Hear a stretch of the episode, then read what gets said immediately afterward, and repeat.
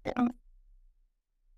nah bismillahirrahmanirrahim. Hari ini kita akan bahas satu topik yaitu stay fit and healthy in Ramadan.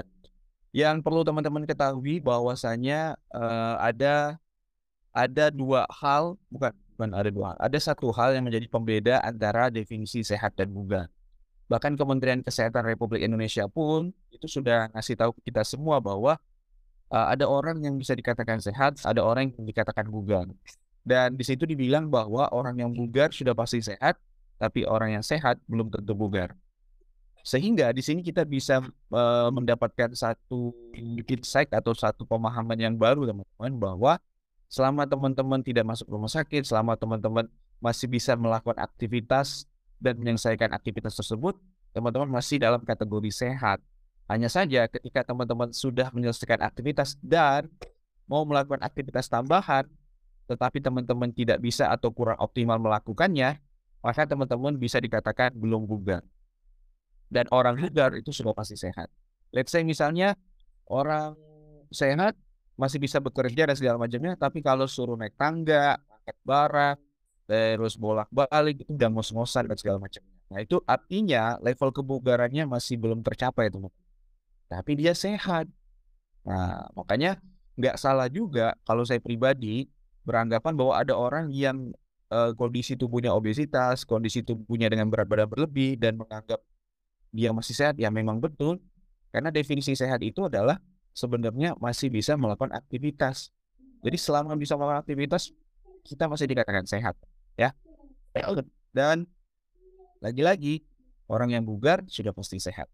Karena orang yang bugar otomatis bisa melakukan aktivitas-aktivitas lain di luar aktivitas-aktivitas utama. Oke. Dan hari ini kita akan bahas tentang bagaimana sih kondisi kita supaya kita tetap fit dan sehat, bugar dan sehat selama di bulan Ramadan. Ya, yang notabene eh, banyak orang yang berlindung dari namanya lagi puasa nih, gitu kan? Kenapa nggak gini? Aduh, lagi puasa. Ntar dulu deh, lagi puasa. Banyak yang gitu-gitu kan. Nah, maka dari itu kita perlu tahu nih sebenarnya apa yang mesti kita lakukan, tipsnya, triknya, dan informasi-informasi apa aja yang perlu kita ketahui bahwa sebenarnya kita bisa tetap sehat dan bugar selama bulan Ramadan itu. Nah, yang pertama saya mau kasih tahu ini dulu. ya Allah, ini saya saya baca berita ini tuh, ya Allah, ada-ada aja orang Indonesia ini ya. Jadi orang Indonesia ini sebagian masa kita bilang oh, sih? Ya, karena yang melakukannya banyak teman-teman. Melakukan panic buying, panic buying gitu. Jadi membeli di oralit teman-teman bisa bayangin oralit dibeli diborong agar apa? Agar sahurnya awet biar bisa kenyap ya Allah. Aduh ya Allah ya Allah. Ada-ada aja. Kemarin waktu zaman-zaman masa pandemi susu beruang. Sekarang mau puasa.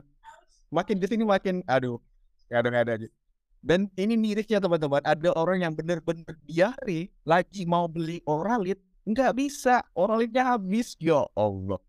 Jadi entah ini berita dari mana, uh, informasi dari mana, ilmiah juga kagak, yang membuat semua orang tiba-tiba FOMO dengan oralit. Ya Allah. Dikatakan bahwa oralit ini bisa membuat sahur itu jadi lebih awet teman-teman. Jadi lebih kenyang sampai pada saat buka puasa. Baru ini saya seumur hidup saya puasa ya menjalankan ibadah puasa. Baru di umur ini saya ketemu berita ini. Jadi tolong teman-teman ya, buat teman-teman jangan ikut-ikutan dengan yang namanya borong-borong oralit karena oralit ini itu adalah oh, larutan ya dengan komposisi gula garam yang memang ditujukan untuk betul ya mengatasi dehidrasi. Tetapi dehidrasi pada orang yang diare pada orang yang kekurangan cairan. Betul, puasa itu kita tidak minum dan tidak makan. Tapi bukan berarti kita dehidrasi. Aku dong. Ya Allah. Tolong teman-teman ya, tolong. ini tolong ini garis bawahin. Nah, maka dari itu tuh kita bahas hari ini supaya kita tidak terjebak ikut-ikutan beli orang borong supaya kita awet sahurnya sampai dan ada-ada aja nih orang ya. Nah, ini berita terbaru nih teman-teman. Ya. Teman-teman bisa cek lah. Mungkin lah biasanya yang berita-berita gini banyak di TikTok nih ya. Oke. Nah, langsung aja teman-teman kita bahas yang berikutnya. Nah, jadi sebenarnya teman-teman, kalau kita bicara kesehatan secara fisik, ya kita tidak bicara kesehatan secara mental, ya karena saya nggak punya background uh, psikolog dan segala macamnya. Kalau kita bicara kesehatan fisik, teman-teman, kita bisa bagi menjadi tiga faktor. Yang pertama adalah fitness, yang kedua adalah nutrition, yang ketiga adalah rest istirahat. Fitness kita akan bahas pagi hari ini, ya. Nutrition dan rest kita akan bahas di edukasi virtual berikutnya. Di fitness itu kita bicara tentang movement, gerak aktif sama olahraga. Kalau di nutrition kita bicara tentang apa yang kita makan dan bagaimana kita makannya. Let's say misalnya kita bicara tentang makronutrisi, kita bicara mikronutrisi dan segala macam. Kalau rest, istirahat udah pasti kita bahas tentang bagaimana kita tidur dan manage stresnya seperti apa. Nah, khusus hari ini kita bahas tentang fitness teman-teman. Bagaimana sih tips agar tetap aktif, tetap fit, tetap bugar selama kita berada di bulan Ramadan ini ya. Dan teman-teman harus tahu dulu bahwa sebenarnya udah banyak penelitian yang bilang bahwa puasa itu sangat bagus manfaatnya untuk kesehatan. Di sini teman-teman bisa lihat bahwa untuk di otak saja bahwa dengan kita berpuasa teman-teman itu ternyata mengoptimalkan performance dari otak kita dan juga meningkatkan uh, ketahanan tubuh kita dari yang namanya injury cedera ataupun penyakit ya. Itu penelitian tahun 2018 kemudian ada intermittent fasting from dawn to sunset artinya kita uh, puasa 30 hari itu ternyata meregulasi protein yang berfungsi untuk mencegah timbulnya potensi penyakit Alzheimer.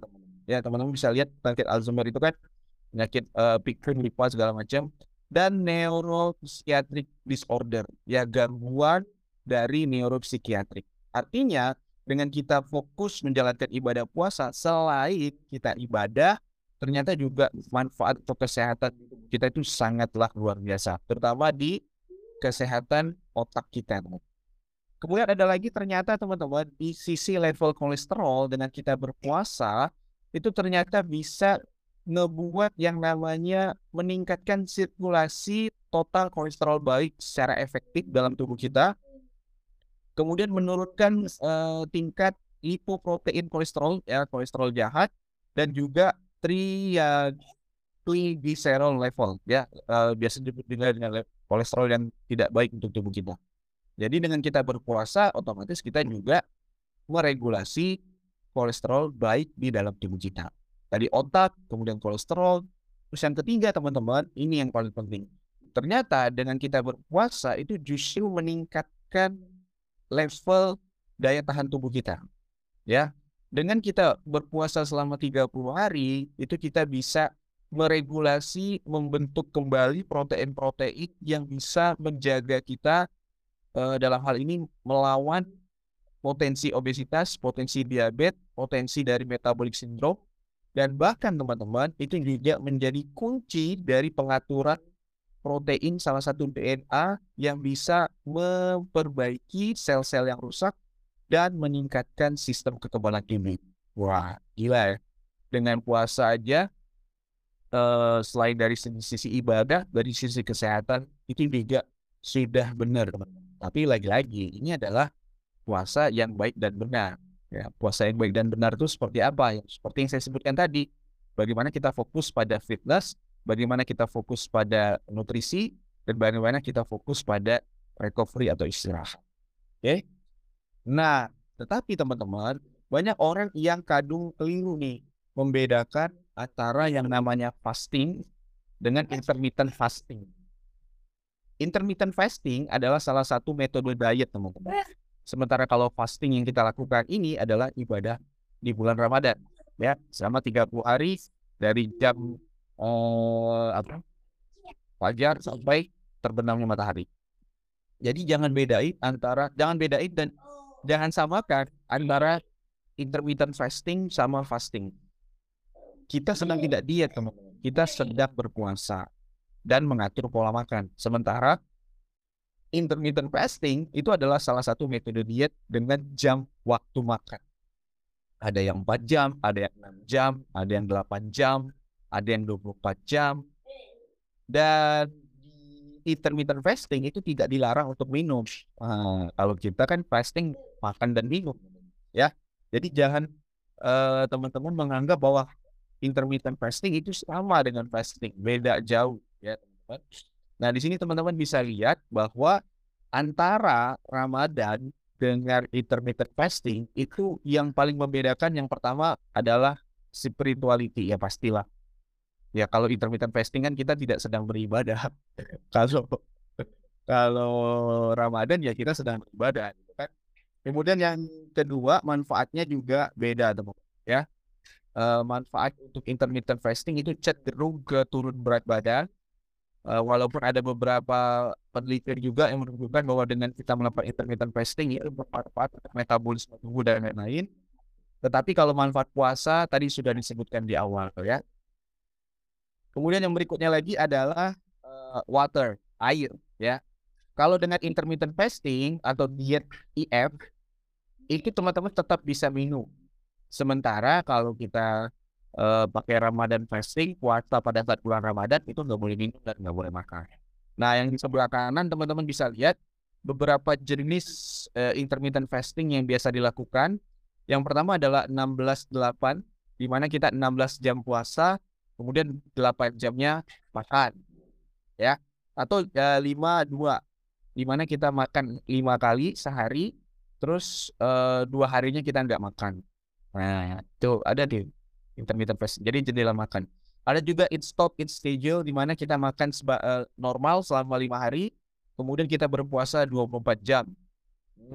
Ya ada juga 43 schedule jendela 43 di mana kita berpuasa uh, tiga kali terus makan normal di empat hari.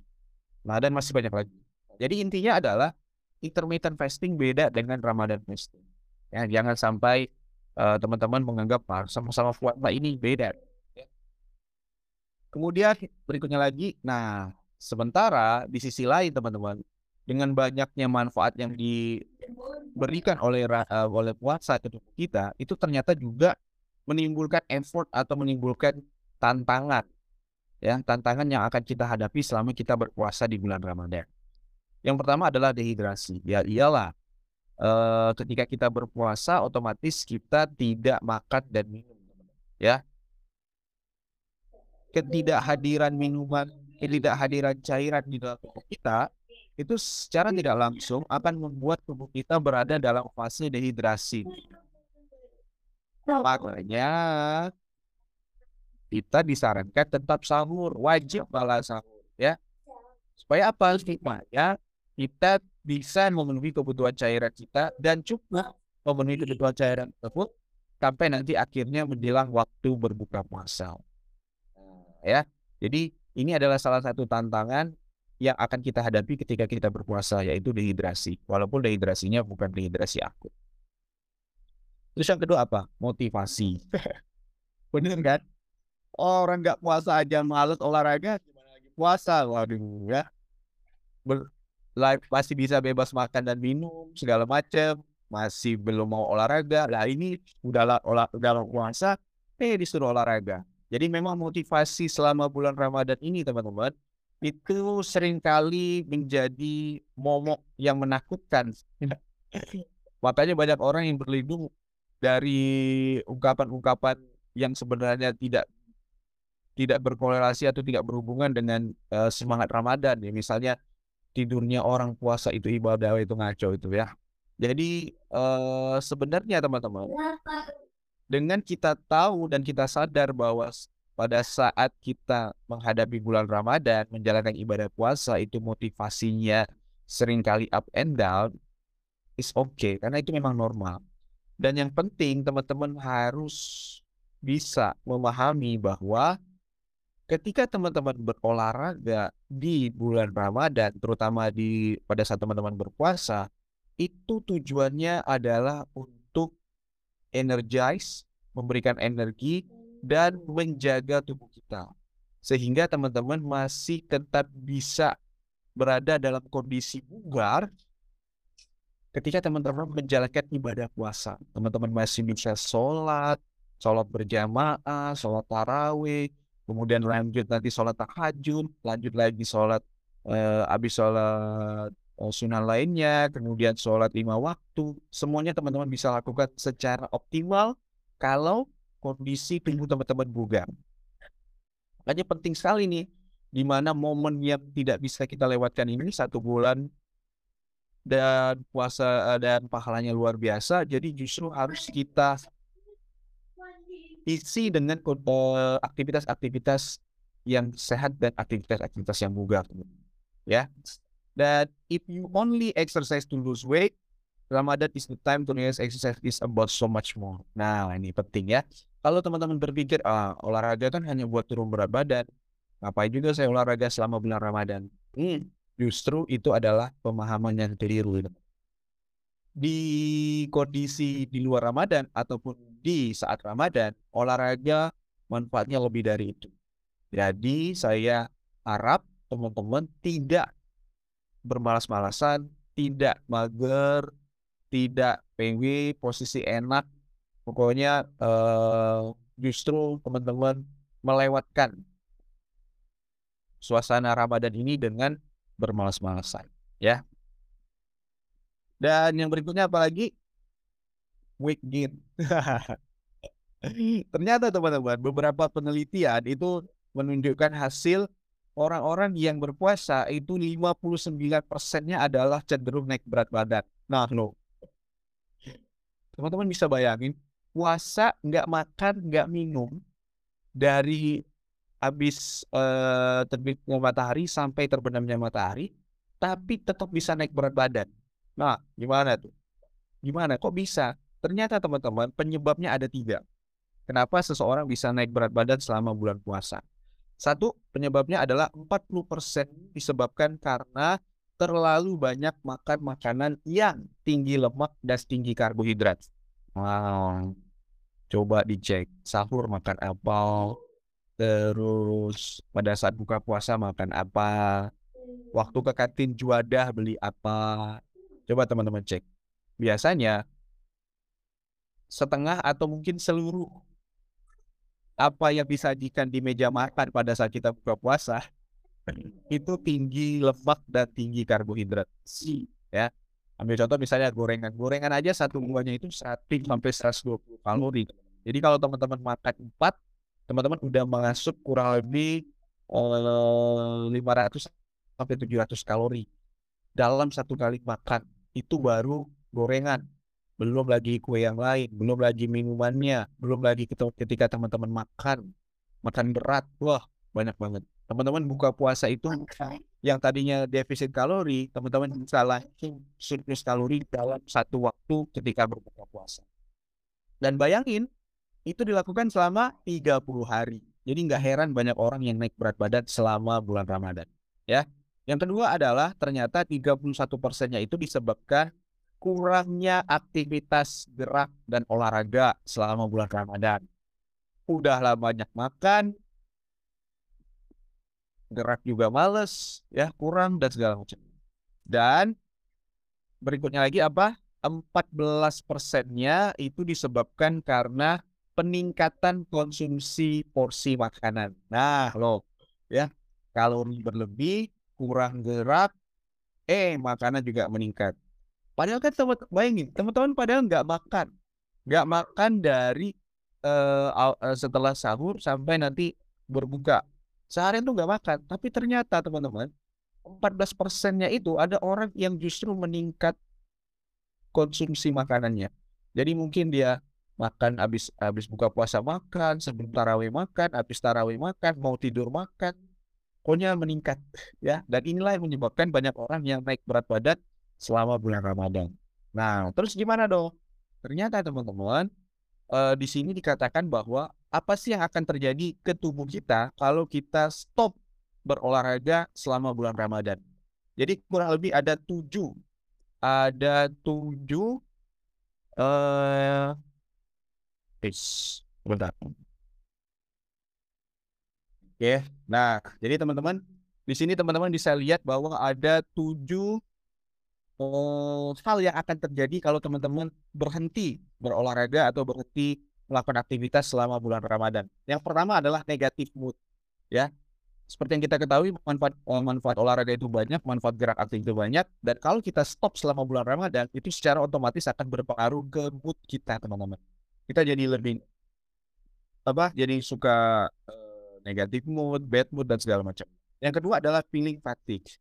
Artinya kita akan merasa cepat lelah selama bulan Ramadan kalau teman-teman nggak berolahraga. Tapi kok bisa sih dengan kita berolahraga otomatis kita jadi lebih berenergi, bukannya kita jadi menghabiskan banyak kalori selama berpuasa dan segala macamnya. Nah, inilah hebatnya teman-teman tubuh kita. Kalau teman-teman melakukan olahraga selama bulan puasa ataupun di luar bulan puasa, itu justru memberikan energi baru tambahan ke ke tubuh teman-teman. Jadi kalau teman-teman berpikiran, wah kalau gitu saya nggak usah olahraga aja lah selama belum puasa nanti capek. Itu disebabkan kalau teman-teman olahraga berlebihan. Makanya teman-teman perlu tahu dan teman-teman perlu pahami bahwa eh, ada perbedaan besar antara olahraga di saat puasa dan olahraga di luar bulan puasa, eh, di bulan Ramadan. Jadi dengan teman-teman berolahraga justru akan meningkatkan energi teman-teman dan teman-teman jadi nggak lelah, letih, lesu, lemes selama bulan Ramadan ya. Terus yang ketiga, loss of cardio capacity. Penelitian menunjukkan teman-teman dengan teman-teman tidak berolahraga atau tidak gerak aktif selama puasa itu justru menurunkan kapasitas kardio atau e, kerja jantung teman-teman yang nantinya akan berpengaruh dengan tingkat kebugaran teman-teman selama teman-teman di luar bulan puasa. Kalau teman-teman uh, yang tadinya sebelum Ramadan, sebelum puasa itu aktif olahraga, setelah uh, puasa stop, terus teman-teman mau mulai lagi olahraga, itu teman-teman akan jauh lebih sulit. Jadi lebih mudah capek dan segala macamnya. Kenapa? Karena turunnya tingkat kapasitas kardio teman-teman kalau teman-teman berhenti berolahraga selama bulan Ramadan. Yang keempat adalah loss of strength. Nah, kalau tadi adalah penurunan kapasitas kardio, kapasitas jantung. Yang keempat adalah penurunan tingkat masa otot teman-teman sehingga teman-teman jadi gak punya kekuatan yang tadinya bisa ngangkat beban 5 kilo, yang tadinya bisa ngangkat galon, yang tadinya bisa ngangkat koper dan segala macamnya. Jadi setelah habis Ramadan tuh, teman-teman jadi kok kayaknya berat banget yang ngangkat ini. Kok kayaknya jadi lebih sulit yang ngangkat ini. Ya itu tadi, karena teman-teman tidak berolahraga selama bulan Ramadan. Yang kelima apa? Impact cognitive function. Kalau tadi berpengaruh terhadap uh, uh, apa masa otot berpengaruh terhadap kardio, kapasitas jantung kita, ternyata juga kalau kita tidak berolahraga selama bulan Ramadan itu berdampak pada fungsi kognitif kita teman-teman. Jadi nggak fokus, jadi nggak uh, susah konsentrasi, lemot, uh, uh, banyak uh, ya gitu. Tadi saya mau ngapain ya? Tadi sini saya mau ngapain ya? Nah, jadi teman-teman itu biasanya selain kurang makan, yang lagi puasa kan kurang makan ya, kurang minum, kurang olahraga juga. Ya, jadi nomor lima berpengaruh terhadap fungsi kognitif kita. Nomor enam itu ternyata bisa deconditioning in older adults. Jadi teman-teman yang menjelang usia 50 tahun, menjelang usia 60 tahun, atau lewat dari 60 tahun, dengan teman-teman membatasi diri tidak berolahraga selama bulan Ramadan, itu justru meningkatkan uh, level potensi teman-teman jadi jauh lebih rentan dengan kondisi berat badan berlebih, uh, penyakit metabolik sekaligus juga penyakit-penyakit lain seperti diabetes, jantung dan lain-lain ya. Dan yang nomor tujuh ini yang paling penting teman-teman. Kehilangan momentum. Kehilangan habit, kebiasaan, kehilangan konsistensi. Karena 30 hari teman-teman nggak olahraga, itu artinya teman-teman meriset. Ya, kalau yang tadinya tujuan puasa di bulan Ramadan itu adalah meriset dosa-dosa kita. Ini teman-teman sekaligus juga meriset kebugaran teman-teman selama bulan Ramadan. Ya, jadi teman-teman pada saat bulan uh, habis Lebaran, uh, pada saat uh, Idul Fitri, teman-teman berhasil meriset puas uh, dosa-dosa teman-teman menjadi seseorang yang baru. Sekaligus juga teman-teman jadi seseorang yang baru yang punya level kebugaran yang rendah. Maka dari itu penting banget teman-teman untuk terus berolahraga selama bulan Ramadan. Olahraganya seperti apa? Nah, saya akan jelasin nanti ya. Ada red flag-nya juga teman-teman di mana kalau kita bicara tentang berolahraga selama bulan Ramadan. Apa itu? Di sini dibilang dehidrasi, betul ya. Udah tidak makan, tidak minum. Kalau teman-teman olahraganya ngasal, teman-teman justru akan berdampak bumerang ke dalam tubuh teman-teman gitu kan. Jadi dehidrasi dan segala macam. Yang kedua apa? Teman-teman belum tahu waktu yang teman-teman bisa lakukan untuk berolahraga. Nah, ya. Terus yang ketiga apa? Logistik.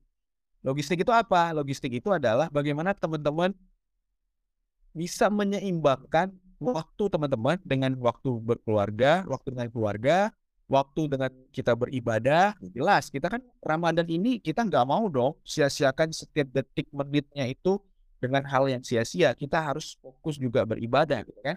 Kemudian bagaimana teman-teman juga menyeimbangkan dengan waktu berolahraga. Gimana nih? E, bagaimana waktu mau nyiapin bukaan, terus waktu juga harus e, nyiapin anak, beres-beres rumah, kemudian juga harus beribadah dan juga harus e, berolahraga. Ini gimana ngatur waktunya? Ya, itu adalah salah satu tantangan juga nih pada saat kita mau berolahraga selama bulan Ramadan. Dan yang paling penting adalah kita harus tahu betul bahwa normal dan wajar selama bulan Ramadan performance atau level tingkat level performance tubuh kita itu menurun. Pasti teman-teman. Jadi nggak perlu ngoyo, nggak perlu memaksakan diri dengan kita. Yang tadinya saya biasa olahraga lari 10 km kok coach. Saya juga mau dong puasa ini lari 10 km nggak nggak gitu cara kerjanya ya. Selama bulan puasa kita justru harus paham betul bahwa ya memang tubuh kita lagi mengalami penurunan. Yang namanya juga energi nggak masuk ATP nggak ada otomatis kita harus bisa memilah dan memilih olahraga apa yang bisa kita lakukan selama bulan Ramadan nah dan panduannya itu sebenarnya adalah teman-teman bisa melihat dari konsep FITT ini teman-teman ya. F-nya itu adalah frekuensi, I-nya adalah intensity, T-nya adalah time, T yang kedua adalah type, ya. Frekuensinya adalah teman-teman harus bisa menentukan sendiri jumlah sesi olahraganya itu dalam seminggu berapa kali. Seminggu tiga kali, seminggu empat kali, atau seminggu lima kali, terserah teman-teman, ya. Saya sih sarankan minimal buat yang jarang olahraga atau yang tidak pernah olahraga, coba bangun habit dengan olahraga seminggu tiga kali. Kemudian intensitasnya itu teman-teman kalau mau bulan Ramadan ya, terutama kalau teman-teman pilih waktu olahraga di pagi hari ataupun waktu olahraga di sore hari menjelang berbuka, kurangi atau hindari olahraga dengan intensitas yang tinggi. Pilihlah dengan yang intensitas rendah, low intensity. Di mana misalnya teman-teman bisa jalan kaki, teman-teman bisa jogging, sepeda statis, sepeda biasa, treadmill, jadi uh, pilihlah intensitas yang rendah. Kalau teman-teman pilih olahraganya waktu olahraganya itu habis berbuka atau habis taraweh, nah itu boleh tuh yang intensitasnya tinggi. Jadi pemilihan intensitas ini juga akan berhubungan dengan pemilihan waktu berolahraga yang teman-teman bisa lakukan ya. Nah, time-nya itu adalah waktu olahraga dan durasinya. Kalau saya pribadi teman-teman selama bulan Ramadan ini olahraga yang saya lakukan durasi waktunya itu tidak lama, paling 30 menit sampai 40 menit aja. Dan itu pun dengan intensitas yang rendah. Setidaknya uh, saya tetap melakukan olahraga, saya tetap melakukan gerak aktif daripada saya tidak melakukan olahraga sama sekali, ya. Dan type-nya jenis olahraga juga akan berpengaruh dan disesuaikan dengan waktu olahraganya. Itu tadi yang saya bilang. Kalau teman-teman habis mau olahraganya habis taraweh, otomatis teman-teman punya banyak energi untuk teman-teman bisa berolahraga. Mau angkat beban bisa, mau eh, lari bisa dan segala macamnya. Ya, tapi kalau misalnya olahraganya di pagi hari atau olahraganya di sore hari menjelang waktu berbuka, nah itu tidak disarankan memilih jenis olahraga yang uh, punya beban yang berat untuk tubuh kita. Oke? Okay? Dan ini teman-teman ya, intensitinya adalah pilihlah level intensitas yang teman-teman nyaman melakukan. Ya. Jadi di sini kita bukan hanya tentang fokus uh, mana yang paling hebat, mana yang paling bagus dan segala macamnya. Jadi pilihlah intensitas yang teman-teman nyaman melakukannya. Terus yang kedua, type-nya juga jenis olahraganya pilihlah jenis olahraga yang teman-teman nyaman melakukannya dan tidak membuat teman-teman berada dalam kondisi kehausan atau kelaparan setelah melakukan olahraga.